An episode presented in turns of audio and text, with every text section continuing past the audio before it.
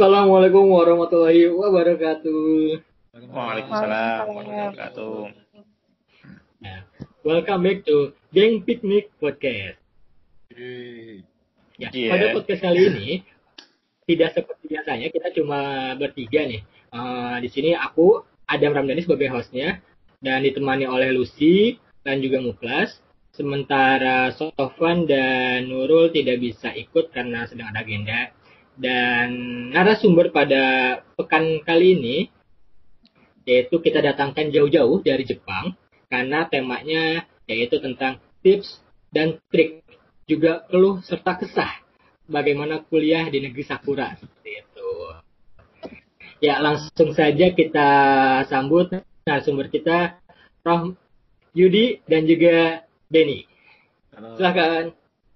Ya. Halo, Assalamualaikum warahmatullahi wabarakatuh. Waalaikumsalam.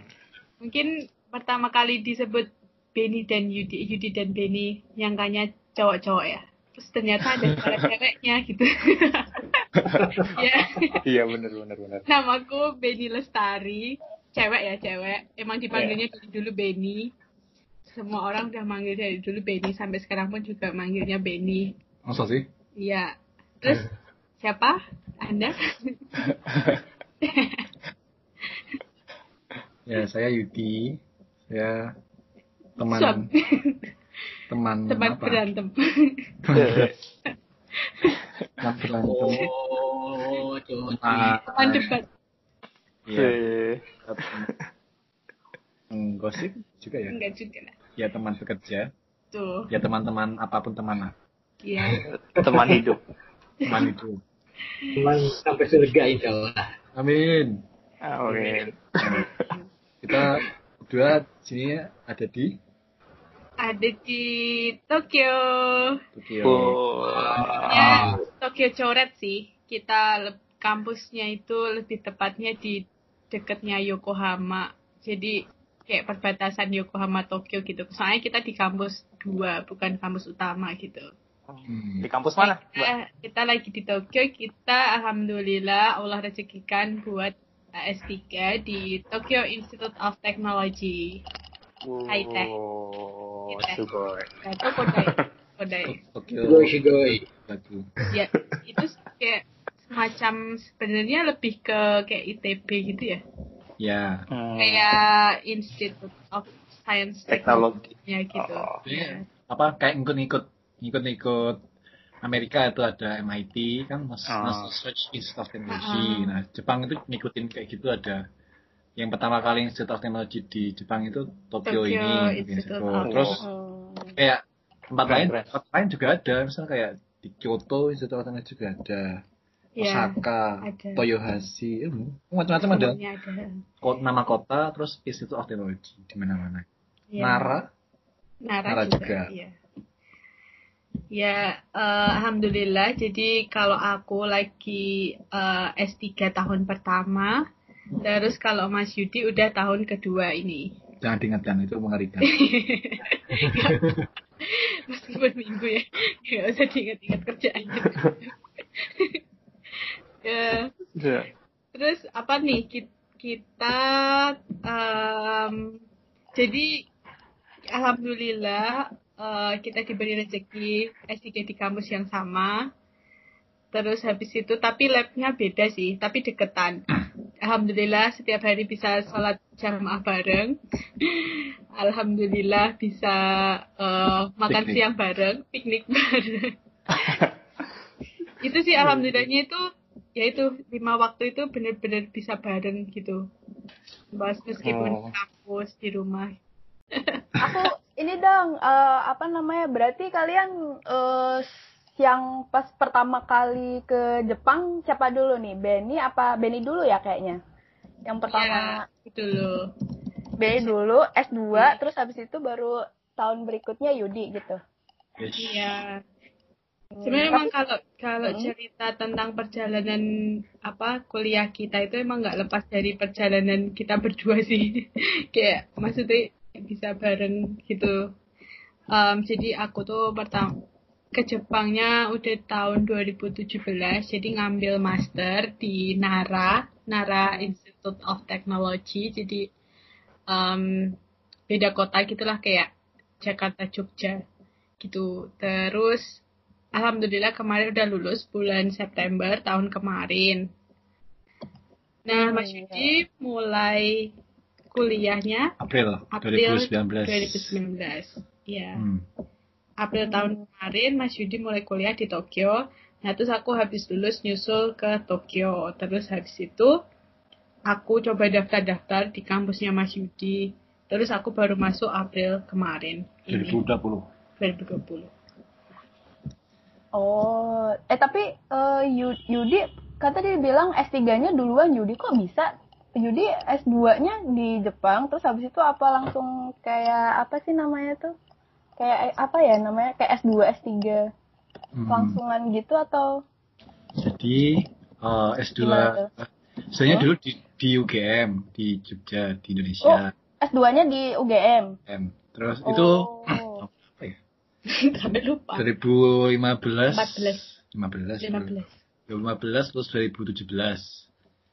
Terus Oh. eh, antara 17 ke 19 tuh banyak hal yang terjadi.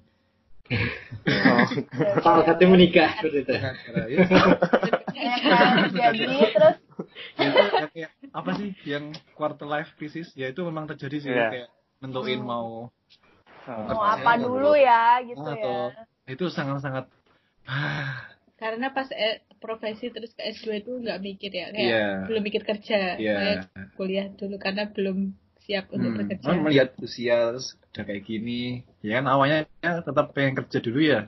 Ya udah, baru lulus S2 itu daftar dosen di mana-mana, enggak di mana-mana cuma satu sih sebenarnya. Satu dosen di di kampus sendiri. Ya, ya Allah belum rezekinya di tahun 2018 itu. Jadi akhirnya karena belum dapat tempat mikir ya udah bahas S3 aja gitu. Terus tapi S3 buat apa sih sebenarnya? Eh, kalau misalnya nggak jadi kalau pikiran saat itu kalau nggak jadi dosen buat apa S3 gitu. Hmm. Nah, makanya saat itu akhirnya memberanikan diri itu milih dua jalan sekaligus dalam satu waktu. Ya daftar kerja iya, daftar S3 iya. Hmm. Saat itu. Oh. Terus tambah satu lagi. Saya nggak mau S3 tanpa seseorang, jadi saya juga mengusahakan ketiga. Satu waktu. Wah. Jadi dalam saat Satu, tahun itu, itu pikir tiga. dua tiga. Nyari kerja, eh, nyari S3, Sekolah. nyari istri. Oh. Terus akhirnya yang antara kerja dan S3 dapatnya S3. Dapatnya Sama eh, istri. kerjanya. Alhamdulillah itu tiga-tiganya itu dalam satu oh, waktu. tiga-tiganya. Oh, masya Apa ya? Allah. Dalam berderet-deret gitu loh. Iya. Jadi waktu itu bulan apa ya? Bulan Agustus. September kayaknya. Agustus itu. Agustus September Hmm. kita tuh ketemu di Jepang. Mas Hmm. Yudi tuh ada internship gitu. Iya. Tapi beda kota. Terus kita sempat ketemu sama dosen kita gitu. Ya, satu juga Nah. ini mempropos. Nah saat itu tiba-tiba dipropos. Padahal itu Mas Yudi baru proses mendaftar dosen sama Iya. mendaftar S3. Jadi belum ada yang keterima juga. Iya. Terus belum ada kerja, belum ada penghasilan, Iya, terus belum ada zero lah, guys. Iya, Startnya from gitu. zero semuanya. Terus aku masih tahun kedua ya, mau mau tahun kedua ya, master ya. Gitu. Terus habis itu Agustus ya, itu terus uh, Agustus kita sempat ketemu di Jepang itu, terus dipropos itu. Nah, terus Desember ya, Desember uh, Pengumuman. Desember pengumuman dosen dulu. Rumah dosen alhamdulillah keterima. Alhamdulillah keterima. Terus pengumuman sekolah Nah, pengumuman sekolah awalnya, Awalnya mau, mau ke Zong. Eropa. Alhamdulillah. ya awalnya nggak saya sebenarnya nggak pengen ke Jepang awalnya Iya.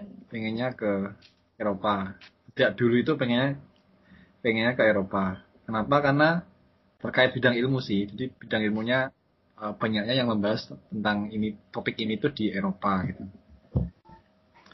Tapi Bung ya pertimbangan banyak hal ya ya akhirnya ya termasuk calon istri di situ terus nanti kehidupan ya kan masuk kadung nikah untuk kedua LDR ya sama aja sama nikah kan jadi Iya. Oke oke oke. tapi tapi waktu itu kita masih ini sih idealis sih. Masih idealis dengan mimpi kita masing-masing. Ya kayak eh kan ak- waktu Agustus itu juga Mas Yudi mau masih apply apply di Eropa tapi Hmm. juga apply di Jepang gitu. Terus ya aku tetap prioritas utama ke Eropa gitu. Ya ya monggo gitu. Terus habis itu aku tuh masih prioritas utama adalah S3 di kampusku yang dulu. Jadi di Nara itu kayak senseiku udah eh, mendesain aku buat S2 S3 di labnya beliau gitu. Jadi aku kayak udah terplan juga buat S3 di sana. Tikanya nggak di awalnya nggak di Tokyo nggak di Tokyo Tech jadi tetap di Nara Nara itu. gitu. awalnya S2 S3 gitu. Ya terus Mas Yudi dengan itu eh ya monggo maksudnya kayak monggo nanti soalnya kita juga masih dalam ta'aruf ya jelas, kayak proses ya, proses masih Oh jadi waktu it- waktu me- itu tuh belum ini ya, maksudnya belum menikah ya? Eh, waktu penentukan, aduh mau sekolah di mana ininya Iya. itu ya? Oh tapi ada yang ngomong kalau ini ada apa namanya niat untuk menikah gitu Hmm. Ya, tapi Oke, itu oke, juga oke. masih terganjal restu ibu iya jadi kalau saya kan anak ketiga dan kakak belum nikah semua jadi Oh. orang ibu masih eh, belum pengennya pengennya ya kakak kakak dulu nikah minimal saat yang anak pertama gitu Hmm, iya lama-lama udah lunak juga dan akhirnya lulus juga ya. Berarti berarti pinter nih eh, apa namanya lobby lobbynya ini. Iya. ya masya allah ya kayak tapi kayak kita ki- tidak melakukan tidak melakukan hal yang apa ya heboh. effort oh, Iya. heboh gitu. Tapi kita kayak let it flow. Jadi kayak dijelaskan eh, aku di sini terus Mas Yudi ternyata keterima di Jepang kayak gitu. Jadi terus dari situ mungkin orang tua terus memikir ya oh ya mungkin ini jodohnya terus juga udah waktunya menikah gitu. Hmm. terus akhirnya mengizinkan. Dan walaupun saat itu kakak-kakaknya Mas Yudi juga belum ada calon terutama mbaknya sih yang anak pertama itu belum ada calon sama sekali. Tapi mbaknya itu sangat merestui kita gitu. Jadi beliau Oh. tidak ber- tidak berpikiran apa pun. Jadi ibu ibu itu malah yang eh, paling worry lah tentang hal itu. Karena sebenarnya kayak takut akan omongan tetangga gitu. Kalau misal ini anak perempuannya yang pertama belum nikah padahal usianya sudah 30 ya gitu. Iya. Terus, tapi ini anak yang paling bontot udah mau ngelangkahin dua lagi ngelangkahinnya kayak gitu. Terus ya ya tapi Mbak Mbak sama Mas itu nggak apa-apa mendukung kita Masalah. gitu, nggak masalah kayak gitu. Dan juga kita maksudnya nanti sama-sama di Jepang ternyata ya terus daripada nanti malah ribet pulang nikah gitu ya udah dinikahkan sekalian kayak gitu Iya. tapi alhamdulillahnya di situ Allah tuh maha baik. Terus sebulan eh jadi sehari setelah kita nikah ternyata mbak kita ketemu jodohnya. Terus Iya. dua bulan setelahnya menikah juga gitu. Sebenarnya awalnya sempat ragu juga di Jepang atau enggak? Oh iya Karena iya oh iya iya benar. Ya, itu tadi saya keterima di kampus.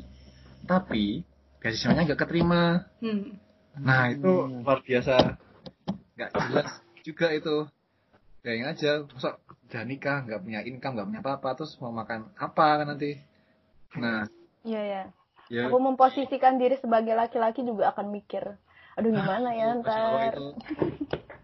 Kalau inget-inget tuh bener-bener nggak nggak nyangka gitu bisa mengalami melewatin fase itu gitu.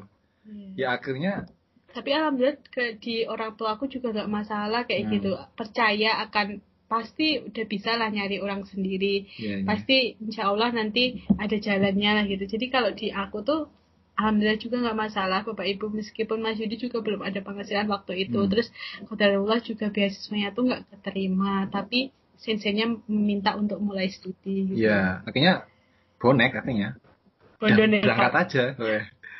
berangkat, berangkat aja, aja. nikah aja nikah aja pokoknya gimana Oh kayaknya gampang banget Apa ya. yang terjadi Nikah gitu. aja, berangkat aja gitu. iya iya aku nggak nyangka loh bener loh ini kayak kalau emang- Belanja lulus Iya, jadinya yang cerita udah cerita teman-teman itu teman-teman yang nggak tahu cerita aslinya itu wah couple goals berangkat bareng sekolah bareng di Jepang Iya. Padahal di Bali itu. faktanya itu wih ngeri banget Ya, terus aku kan ya kan menikahnya di tempat aku ya cewek ya. Terus tabunganku selama setahun master itu ya ada tabungan. Tapi itu juga terus buat nikah itu aja soalnya kan aku juga anak pertama. Terus bapak ibu kayak apa ya nggak nggak terima juga kalau misalnya cuma nikah aja kita pun kita tuh sebenarnya proposnya cuma nikah Simpel. kayak gitu tapi bapak ibuku udah ya. nggak ini nggak apa ya nggak terima lah pokoknya pengen pengen merasakan Iya. Pesta. menikahkan Kayak gitu menikahkan ya. anaknya kayak gitu Dilema anak pertama gitu, Ben. iya gitu kan terus itu ya mau nggak mau aku kan juga nggak mau ngedapetin orang tua nah itu seluruh tabunganku udah aku kasih ke bapak ibu tuh untuk apa namanya eh, pesta itu untuk nikah itu Walimahan. jadi walimah jadi kayak kita itu ke Jepang lagi tuh kayak zero, Zero. ya nggak zero banget tapi bener-bener ya Allah uangnya itu minim banget terus kita harus LDR waktu itu kan aku masih di Nara tuh masih di, di Tokyo Nah, Tokyo itu ibaratnya kayak Jogja, Jogja Jakarta. Jakarta jadi Itu masih satu pulau nggak sih? Satu pulau. satu pulau Masih- oh. tapi memang Jauh. Jauh. jauh tapi jauh sebenarnya bisa ditempuh dua jam tapi dengan biaya Shinkansen. yang ya Shinkansen biaya yang satu kali jalan itu Kayak adalah pesawat. Yes Satu juta. Oke. dua juta dua juta itu Oh. sekali Oh, dua juta. Oh iya, iya. Iya. Dua juta PP. eh tiga juta PP sih sorry sorry tiga juta PP Wow. tiga juta PP ya itu kayak kita masih idealis tuh ya nggak apa-apa kita apa. Nara Tokyo lah cuma Jakarta Jogja gitu eh eh, nggak punya modal untuk LDR itu Eh, emang LDR itu yang besar sih benar-benar Hmm. butuh modal yang besar Eh, Iya, iya. terus ya itu meskipun udah satu negara ya ternyata beda kota pun tetap apa namanya ndak ndak tenang lah istilahnya lah Iya. nggak tenang terus habis itu ya Bismillah Em, waktu itu terus ya itu Ya itulah jawaban Allah kemudian. LDR LDR itu tapi dengan apa ya terus beasiswa kita itu kayak cuma buat ini buat jalan Hmm. kita kayak Hmm, sebulan itu ketemu berapa ya? Sekali. Sekali itu ya. Seminggu sebulan sekali. sebulan sekali itu udah habis beasiswanya buat itu. Iya iya. buat transport. Transport Iya. gitu kansennya aja 3 juta ya. Terus habis itu belum yang kereta lokalnya. Jadi Hmm. kayak sekitar 3 juta 500 kayak gitulah. Nah itu pun cuma bisa ketemu sehari. Jadi kan Iya, bisanya cuman tuh berangkat berangkat Sabtu. Oh, terus minggu minggu malam Uh, balik perjuangan. lagi, gitu Ya gitulah. ya gitu Itu berlangsung selama berapa lama tuh kayak gitu? Nah, kalau saya nggak pakai dapat beasiswa itu sampai bulan apa ya? Mei, nih Mei, April, Mei, Juni, Juni. Tiga Nah. bulan berarti. Juni itu dapat bantuan dari lab. Itu nggak didik, ya, di, sebenarnya cuman apa ya? Since profesor saya cuman ngasih kayak surat gitu. Yaitu karena apa awalnya kan eh, pas ngurus visa, visa ke Jepang, pas saya ngurus visa ke Jepang itu mereka kan menanyakan ini nanti orang ini bisa hidup pakai apa jaminannya apa kan harus ada kayak Sponsor. letter of guarantee. hmm. Nah, sensei saya bikinin itu. Dengan mo- modal itu, saya bilang ke sensei, saya nggak punya uang. Intinya gimana gitu. Terus, beliau bantu je- sebagai riset asisten. Itu dapatnya berapa? 48 ribu yen tuh. lima setengah juta Eh, lima setengah. Apa lima setengah juta? hmm. Tapi lima setengah juta itu biaya hidup di Tokyo Hmm. itu cuman sepertiga dari kebutuhan maksimal apa seper empat kok cuma kan biasanya minimal. minimalnya itu 150 ribu yen gitu ya minimalnya satu situ. per bulan per bulan itu minimalis Hmm. Itu udah minimalis. itu udah minimalis Terus Mas Yudi cuma dapat 48 48. nah itu Nah, itu cuma lima setengah juta. Nah, terus ya itu akhirnya habis buat transportasi itu Tinggal nah belum bayar kontrakan kos. belum makan Hmm. dan lain-lain. Ya alhamdulillah juga ini saya minta bantuan UGM karena kan masih biaya status kuliahnya. status dosen. Hmm. Jadi kayak settlement allowance itu dapat buat bayar awal-awal Oh. pokoknya awal-awal itu. Oh. Jadi sampai bulan akhir akhir tahun 2000 ya sampai sekarang sih sebenarnya sih. Iya. Jadi memang Tapi- benar-benar Mas Yudi itu awalnya itu tanpa beasiswa, Iya. terus ke sini beasiswanya dengan Tetapan. uh, 48 itu jadi jaso Nah, terus juga bantu di lab. Jadi Sama- kayak kerja di lab gitu. sama ini apa? Kalau status S3 di sini itu eh, ada beasiswa khusus S3 gitu. Jadi memang hanya untuk S3 dan itu kes- kesempatannya hampir 100% keterimanya. S3 tapi. Hanya untuk S3 dan harus sudah S3. Jadi kalau belum S3 nggak nggak bisa daftar. Itu alhamdulillah juga dapat bulan Agustus 2019. Alhamdulillah. 48 sama 40 jadi lumayan 88 Hmm. terus bulan eh, apa Oktober itu dapat lagi RE yang kedua jadi RE nya dua dari dua sumber yang berbeda jadi tambahnya dua tiga puluh ribuan 110 total Hmm. ya makin ke sini makin Alhamdulillah, alhamdulillah ada, gitu. ada aja Iya. jalannya gitu. Tapi memang pas awal-awal itu benar-benar yang udah ya gimana ya ya pengen ketemu tapi juga apa, uangnya gitu. terbatas. kadang kadang malah Benny yang ke sini kan Ya, ke yang sini. Kalau aku pas S2-nya alhamdulillah dapat LPDP. hmm. Jadi a- dan di Nara, aku aku kan bukan di Tokyo. Di Nara itu kayak di hampir kayak desa lah.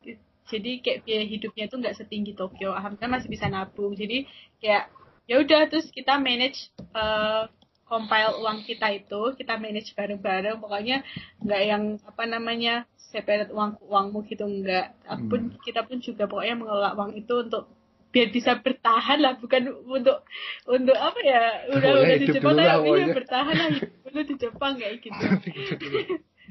Terus sampai yang aku tuh eh, di Tokyo ini kita bener-bener apa ya nyewa apartemennya itu yang paling murah ya. Paling murah. Paling murah. Sebenarnya itu nggak boleh untuk couple. Iya, cuma single. single. Jadi aku tuh kayak diselundupin gitu Iya, iya, loh. iya. datanya malam-malam. Datanya malam-malam. Terus kalau sekarang masuk masuk gitu. kalau mau keluar itu masih dilihat aduh ada orang enggak kayak gitu jadi kayak bener-bener aku tuh kayak bukan Ya. istri gitu loh yang bukan istri sah gitu loh Kocak, kocak, kocak, kocak. itu tuh eh, tapi alhamdulillah kalau di Nara kan aku dapat asrama gitu dan lumayan harganya itu di sini nggak bisa kita harus nyewa dari luar terus bener-bener yang paling murah itu semurah-murahnya terus 30 menit jalan ya ke kampus Hmm. Itu bener-bener yang kayak cuma apa namanya udah da- jadi satu terus dalam satu ruangan dapur eh, tempat tidur sama itu. Iya. sampai sholat pun kita tuh kalau mau sholat tuh harus geser meja dulu.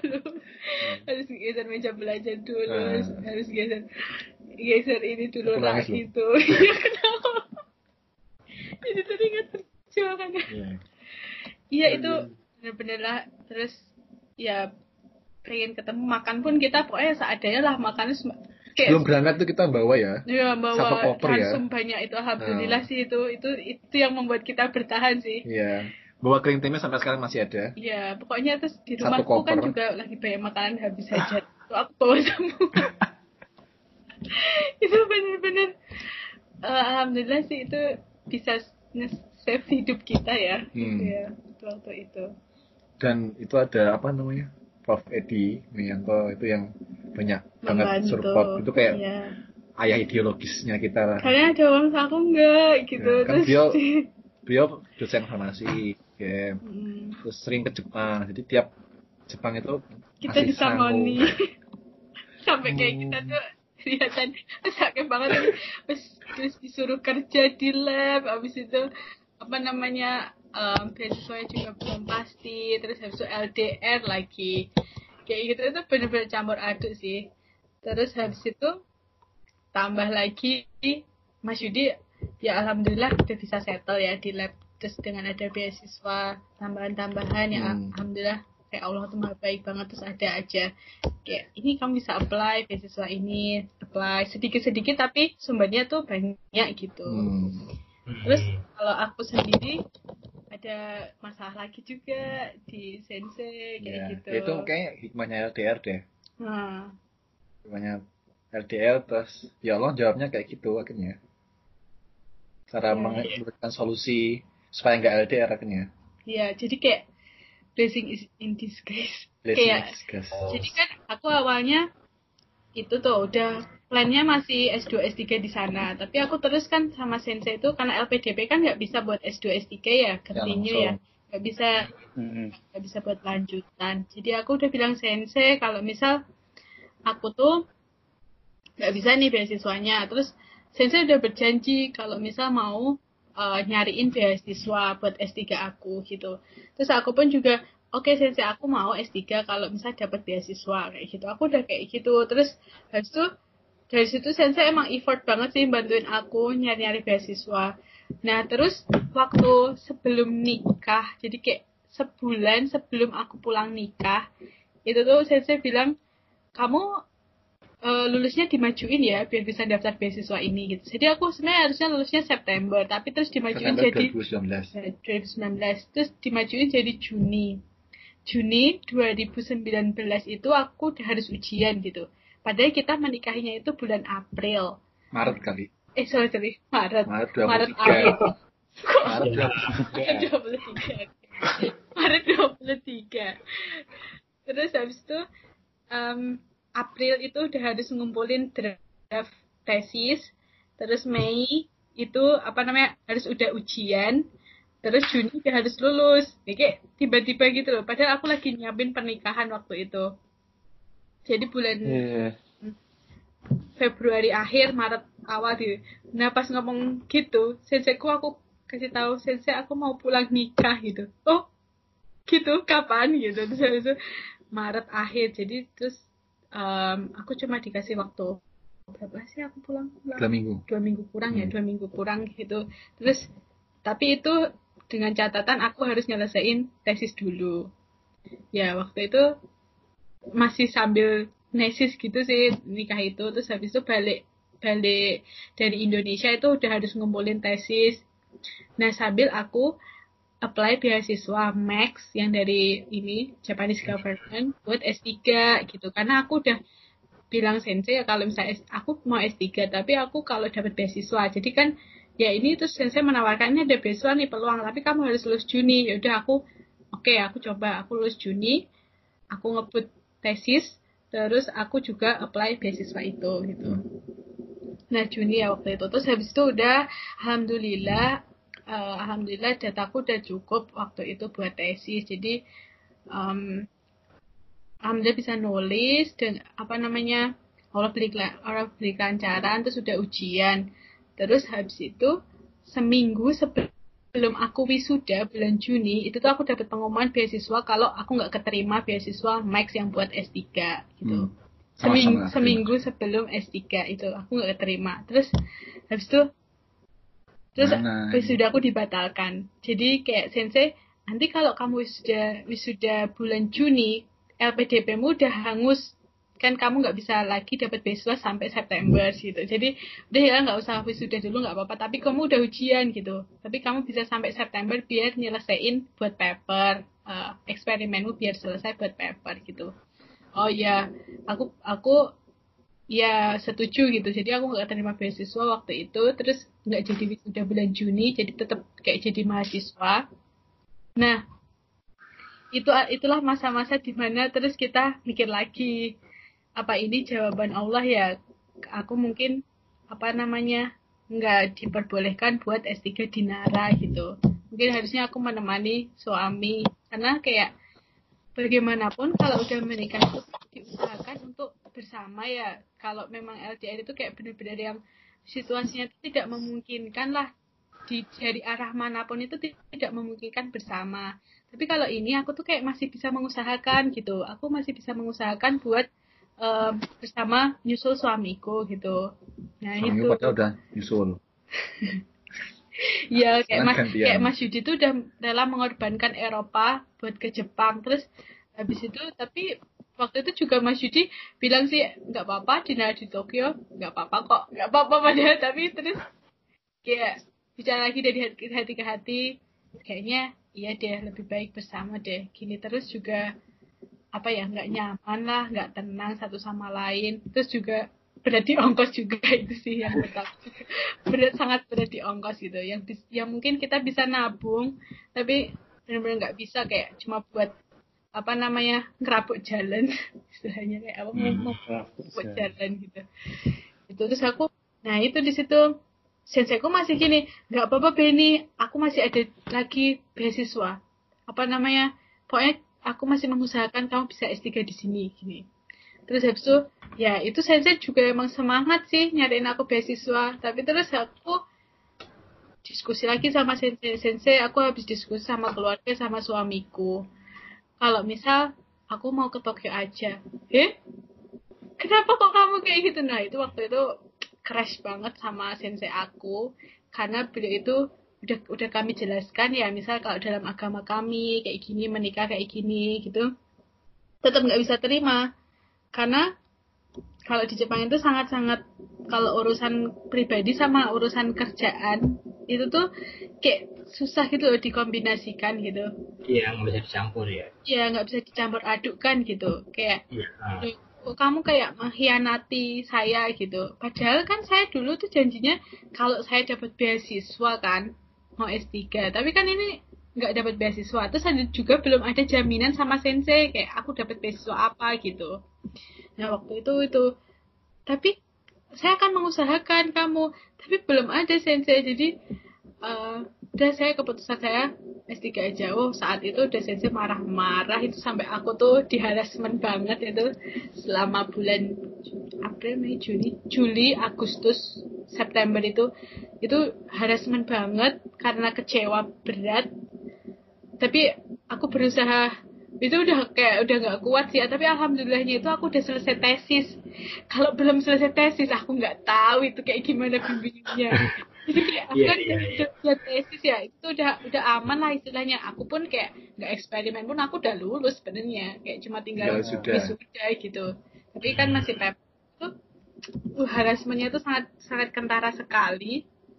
Apa namanya? Personal attack maksudnya. ya personal attack personal harassment juga. Kayak pas di lab meeting itu sa- sampai benar-benar aku tuh kelihatan lah perlakuannya itu dibedakan sendiri gitu. Karena Oke. apa namanya kayak istilahnya beliau mengkhianati kayak tidak tahu berterima kasih gak bisa lah kayak gitu eh, mengorbankan apa namanya pribadi tapi tapi kan perjanjian awalnya tuh nggak kayak gitu dan udah aku jelaskan gitu Iya.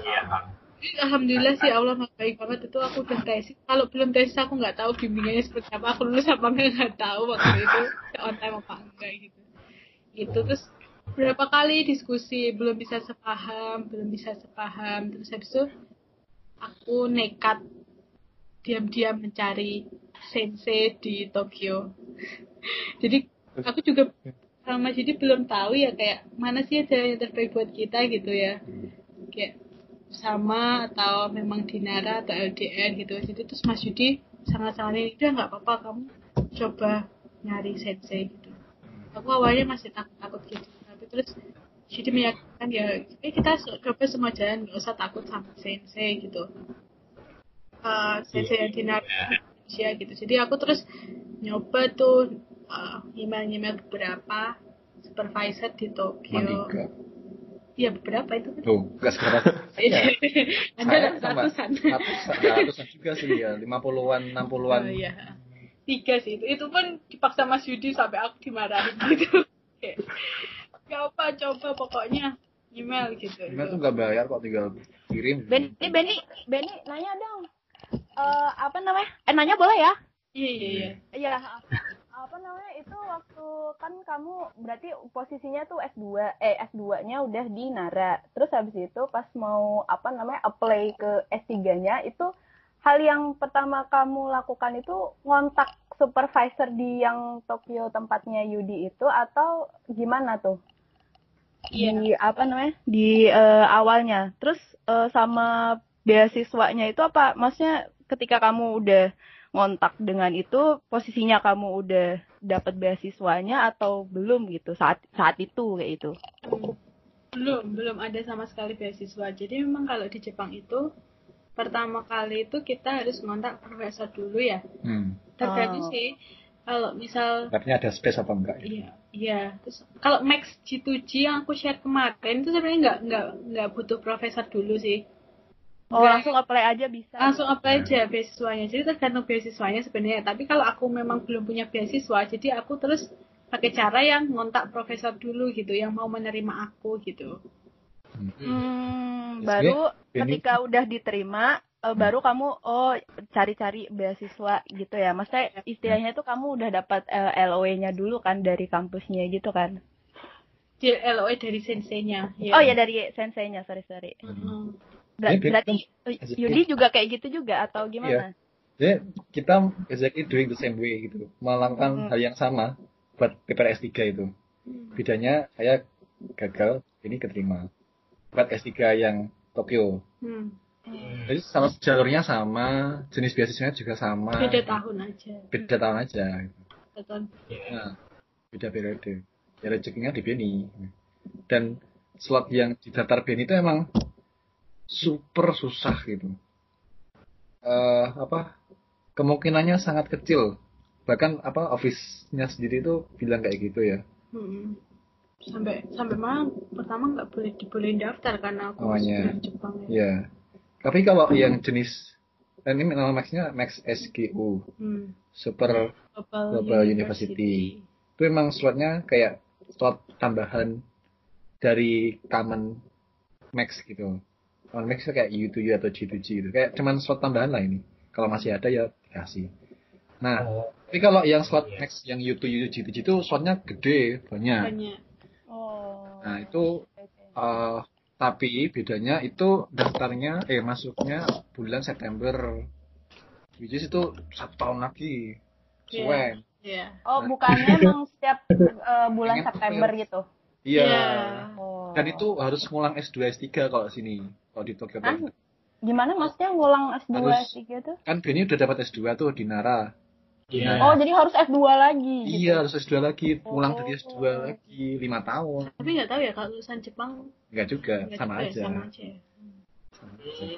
Terus kalau misalkan Iya, ada kan ah, kalau misal tadi kan kalau Benny sama Yudi itu kan me- memang sudah ada apa namanya sudah ada LOL ya dari senseinya. Kalau Ya. misalkan bagi kalau misalkan eh, bagi mereka atau kita kita yang memang eh, sama sekali tidak punya jaringan tapi pengen dapetin beasiswa tanpa ada eh, LOA dari sensei atau profesor kayak gitu itu gimana itu?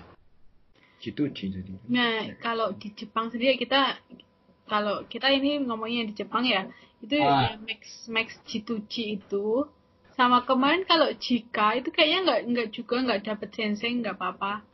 Jadi kalau yang harus dapat sensei duluan tuh Max U2U itu Hmm. sama Max Max yang tipeku Super Global University. Tapi kalau kayaknya kalau jika Hitachi gitu tuh eh, sama Max G2G nggak harus dapat sensei dulu. Tapi Hmm. eh, Ya. lebih baik kontak sih. Jadi kayak gimana ya? Hmm, sensei itu akan nanti kan kampus itu kayak menanyakan ada ini nggak? Apa namanya? Mau buka slot buat mahasiswa nggak? Ini ada tawaran beasiswa gini ada skema beasiswa gini. Nah kampus itu kan men- menanyakan ke masing-masing kayak em, ada lowongan atau enggak atau ada kandidat apa enggak gitu. Kalau misalnya kita pernah kontak mungkin sensei itu akan mengingat kita terus jadi kayak memprioritaskan kita buat dapat beasiswa itu sih gitu loh. Jadi kayak gimana ya? Em, kalau menurut kita pas kalau di Jepang itu kamu coba kontak senseinya sih Hmm. kontak Sebaiknya. labnya sebaiknya heeh. meskipun nggak apa-apa sam- belum direspon tapi sambil daftar beasiswa nggak apa-apa tapi sambil kontak gitu soalnya memang kayak apa ya Jepang itu Nanti kan juga pas beasiswa tanyain juga nanti mau lab apa lab apa, terus gitu. Iya. bidangnya apa, Hmm. jadi tetap Tetep punya explore gambaran itu. lah itu, punya gambaran. Kalau itu kan kalau Benny sama siapa? Kalau Benny sama Yudi itu kan emang dari dunia sains ya, dari farmasi terutama. Kalau misalkan untuk sosum sendiri nih kayak aku mau muklas apalagi muklas nih karena dia pengen pengen ngebet banget S2 gitu. Hmm. Nah itu gimana? Kalau misalnya kita ngapelin apakah kita tetap harus mencari sendiri eh, link sensei eh, terkait misalkan eh, human research atau apalah tentang sosial-sosial kayak gitu di sana atau gimana? Ini di Tokyo Tech itu ada Graduate School of Liberal Arts. Ah, Liberal Arts itu ya kayak ya kelasnya kelas-kelas sosial semua sih. Jadi kita S3 itu juga ada ngambil kelas tentang global competitiveness kayak gitu-gitu terus strategies for balancing career. ya. itu tuh lah itu kayak ya benar-benar sosial ini ya. Eh, karena universitas di Jepang itu lulusannya terutama S3 ya itu dianggap nggak balance hidupnya kayak hanya kerja doang gitu. Makanya evaluasinya tuh ada graduate school itu gitu yang tujuannya bisa membuat anak S3-nya lulusan-lulusannya itu bisa lebih ini ya bisa balance hidupnya. Nah sebenarnya kayaknya sama-sama sama aja sih. Ininya kalau terkait nanti sekolahnya itu ya sama dua hal dua hal yang perlu diperhatikan kan nanti slot kampusnya itu ada atau enggak. Yang kedua adalah beasiswanya kadang ada yang ambil beasiswa dulu ada sekolah dulu ya tapi kedua itu pasti berkaitan Iya, kedua hal itu pasti, Pasti berkaitan. berkaitan. Jadi kayak sama-sama effort untuk keduanya itu gitu. jalan bareng kan? Iya, jalan bareng. Soalnya kalau misalnya emang emang sih keuntungan kalau udah dapat beasiswa itu sensenya kayak oh ya udah mau nerima nerima aja gitu loh. Jadi Hmm. kayak oh kamu udah dapat beasiswa ya udah tinggal tinggal kuliah lagi. Aku tinggal ada slot apa enggak gitu. Itu kelebihannya sih kalau kamu udah beasiswa sensenya nggak akan mikir lagi terus otomatis keterima sih kalau kamu lolos examnya di univ gitu. Hmm. Tapi kalau eh, belum ada beasiswa nih, kalau misal kontak sama senseinya, bisa jadi senseinya itu punya ini slot beasiswa yang yang belum ada yang punya labnya, nih. Iya, tergantung tergantung labnya. labnya. Terus misal juga kayak tadi Mas Yudi research assistant kayak gitu. Bisa jadi gitu juga. Kayak senseinya yang punya slot beasiswanya tapi belum punya mahasiswa gitu. Jadi kalau kayak kita dua-duanya jalan bareng sih. Hmm. Ini apa? Kok konteksnya ini ya, kam- kampusnya kita itu beasiswa S2 itu lebih minim daripada S3. Iya. Terus eh, S2 kecuali kalau S2 S3. S2 S3 itu kayak Max tadi itu kemungkinan keterimanya besar. gitu. Asalkan ayatnya sampai udah wah itu. Insya Allah keterima gitu. S2 S3 Max U2U itu. Startnya bulan September, tiap bulan September. Tapi kalau cuma S2 doang, nah itu lebih dikit. Apalagi kalau ini Nihongonya belum. Tuh. Ad- ada kok lab labku itu kebanyak hampir semua S2-nya. Semua anak S2-nya nggak punya beasiswa. Jadi benar-benar apalagi anak orang Jepang asli ya, orang Jepang asli itu nggak bisa dapat beasiswa BTW. Jadi mereka Kayak itu. itu part time, Apa itu? part time. Memang Sini banyak banget sih part time sama loan ya, apa soft loan, soft loan. soft loan dari pemerintah. Tapi mereka kalau udah kerja nanti harus balikin lagi. Secara Oh, Tapi di sini emang independen banget sih mereka, banyak banget yang part time job gitu. Kayak so- sore itu udah kerja sampai malam gitu. Pagi sampai sampai sore di kampus gitu. Hmm, buat bayar tuition fee-nya itu ya. Di Ya. sini banyak S2. banget lowongan buat baito itu. Dan kebanyakan anak Jepang tuh baito. Mereka Hmm, bias- independen juga. Biasanya itu apa part time atau gaitonya itu di apa tuh orang-orang Jepang tuh? Apa pun sih, Hmm. kayak Family Mart, 7-Eleven, Ah, iya, juga, kayak oh iya iya. eh, kasir, kasir, kasir gitu. terus habis itu Ini ada juga yang loper koran Kroneko itu ada juga yang kayak Delivery, Pak Pos delivery ya. delivery, kayak tok oh, ngantar-ngantar barang gitu. ngantar-ngantar barang gitu Hmm. Tapi tetap harus ada tesnya untuk eh, untuk ikutan part time seperti itu.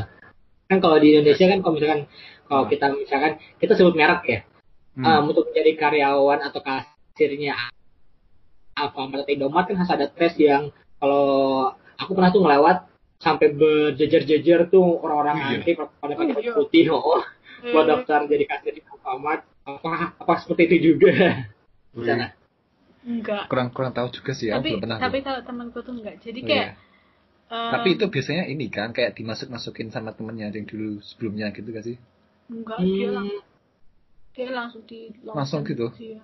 oh iya terus kayak ya udah available time kapan gitu langsung di slot kayak, kayak di trainingnya bentar banget kok training gitu terus Hmm. udah tapi Baito yang paling benefit secara so worth it secara, secara finansial itu tour guide oh iya iya tour iya. guide tuh sangat sangat udah apa enaknya itu eh, sama-sama ikut makan Jalan-jalan. jalan-jalan Bayarin, terus eh, dapat Ikut makan.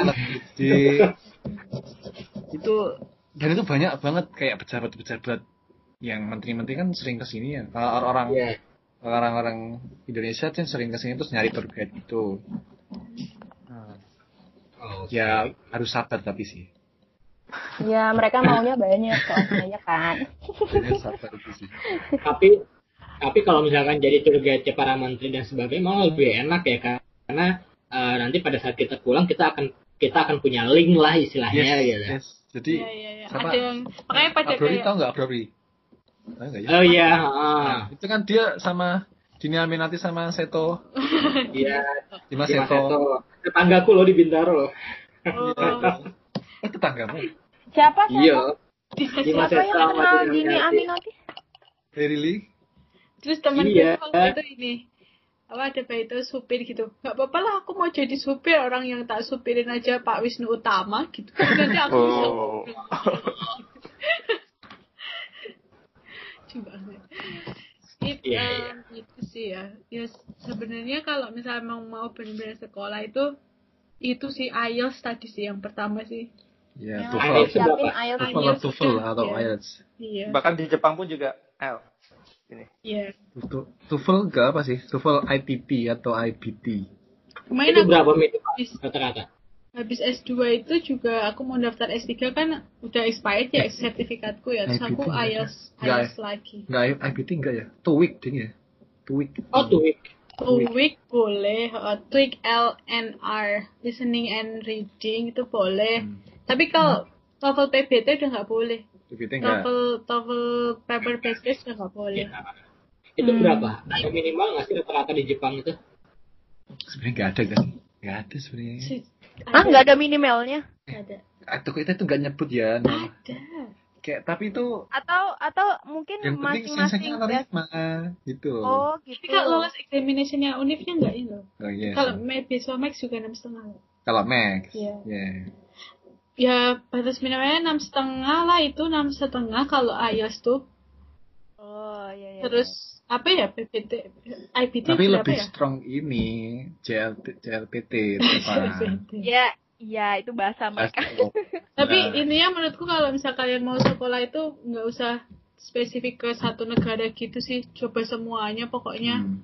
Saya nyebar seluruh benua. Iya, kita nggak tahu ada rezeki kita yang mana. Iya, bener-bener. Amerika, Apa ya? lah. Ya modal utamanya IELTS itu udah harus di tangan.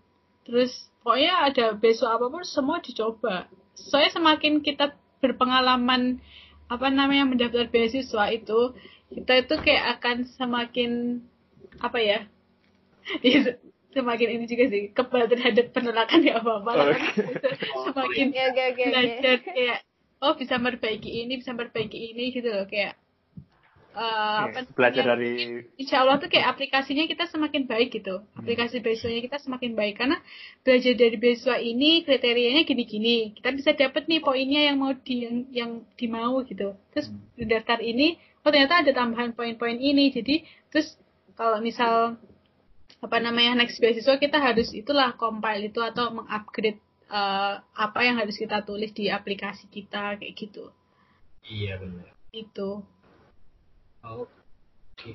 kita juga udah penolakan jadi aku juga pas S3 itu juga daftar beberapa beasiswa itu terus nggak keterima juga cewek namanya CWAJ College Women itu juga nggak keterima terus baru keterima yang buat S3 ini juga benar-benar di detik terakhir dua minggu sebelum masuk April itu sebelum masuk itu Jadi selain apa namanya tadi kan IELTS terus ada apa namanya TOEFL atau TOEIC dan sebagainya terus ada lagi nggak kira-kira yang eh, perlu disiapin lagi gitu. Misalnya mungkin nulis eh, motivation letternya atau gimana kayak gitu, esainya kayak gitu-gitu. Itu ada tips nggak kalau dari kalian harus yang kayak gimana? Mungkin kalau dalam setiap negara atau setiap eh, apa namanya ini tuh beda-beda ya ini. Kalau di Jepang sendiri tuh gimana?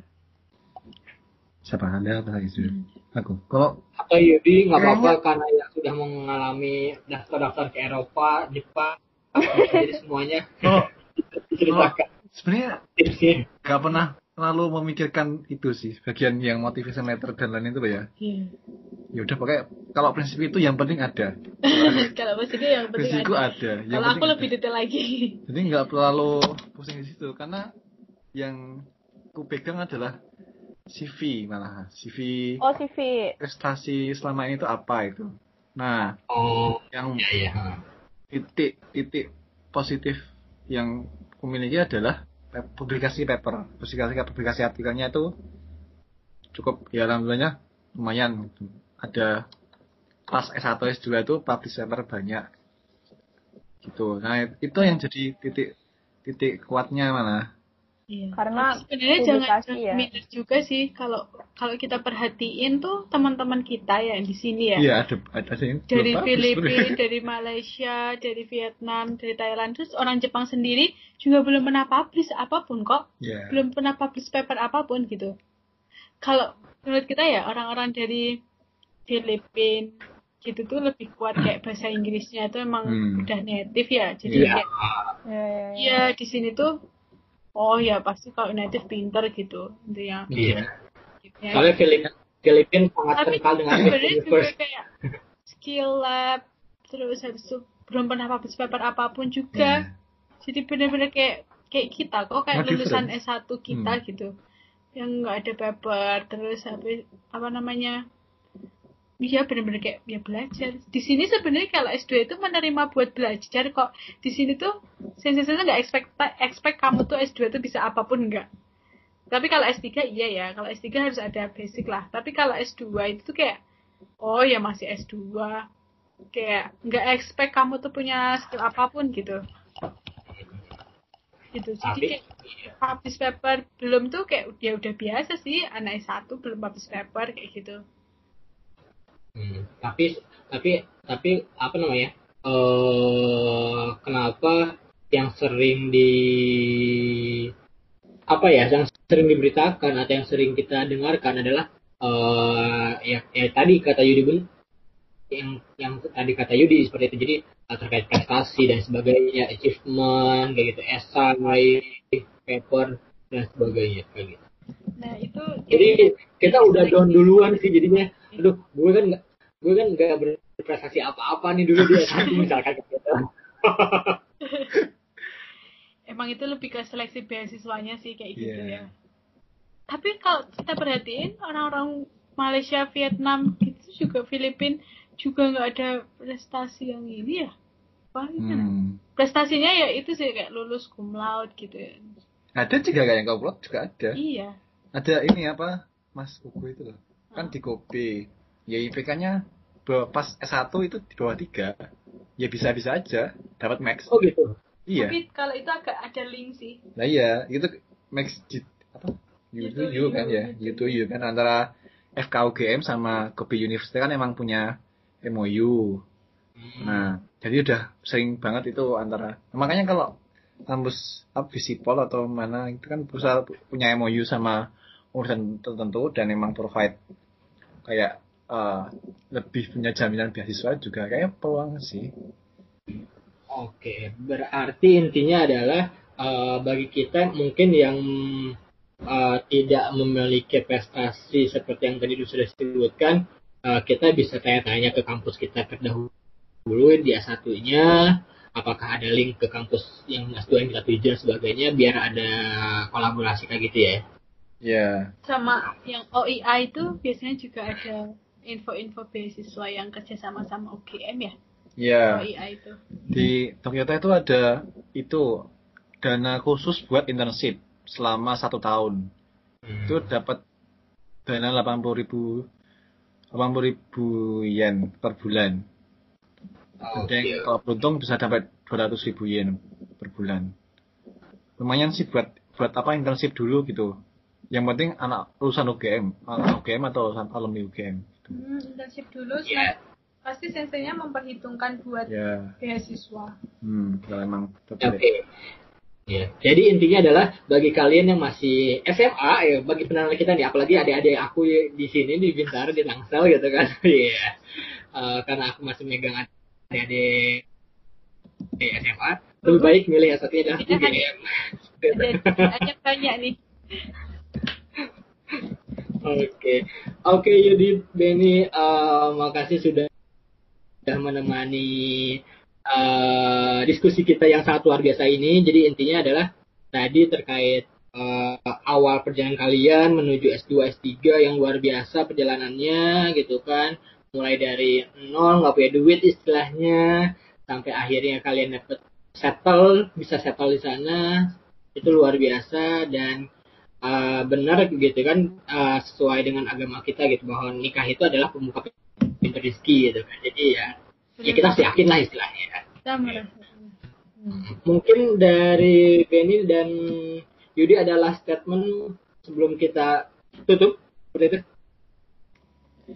Statement kalau dari kita ya apa ya kalau misal memang benar-benar niat eh, mau sekolah pokoknya memang bulatkan niat itu terus habis itu em, usahakan semaksimal mungkin. Pokoknya nggak usah minder gitu. Yang penting tuh kayak lakukan gitu. Jangan jangan di apa ya dibayangkan jangan banyakkan mikir gitu. Pokoknya kalau kata Mas Yudi tuh pokoknya dilakukan dulu gitu. Nanti evaluasinya itu pasti ada, selalu ada hikmahnya selalu ada gitu. Pokoknya lakukan dulu nggak usah mikir yang gimana gimana gitu.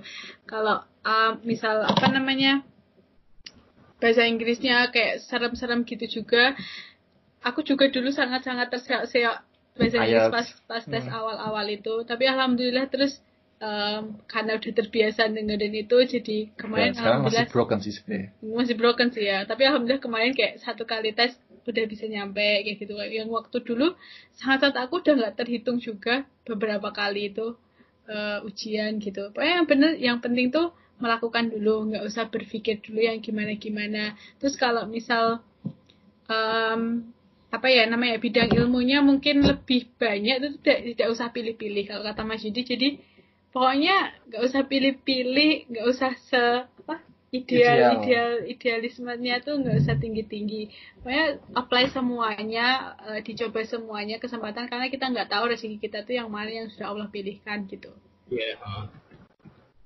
ya dari Mas Yudi Oh. apa ya? Paling hmm, bertanya ke diri kita masing-masing sebenarnya tujuan kita S2, S3 itu apa? Pertama, ya kalau saya S2 di Indonesia aja ya karena ada beberapa pertimbangan yang lain gitu. Ya, intinya case by case lah itu.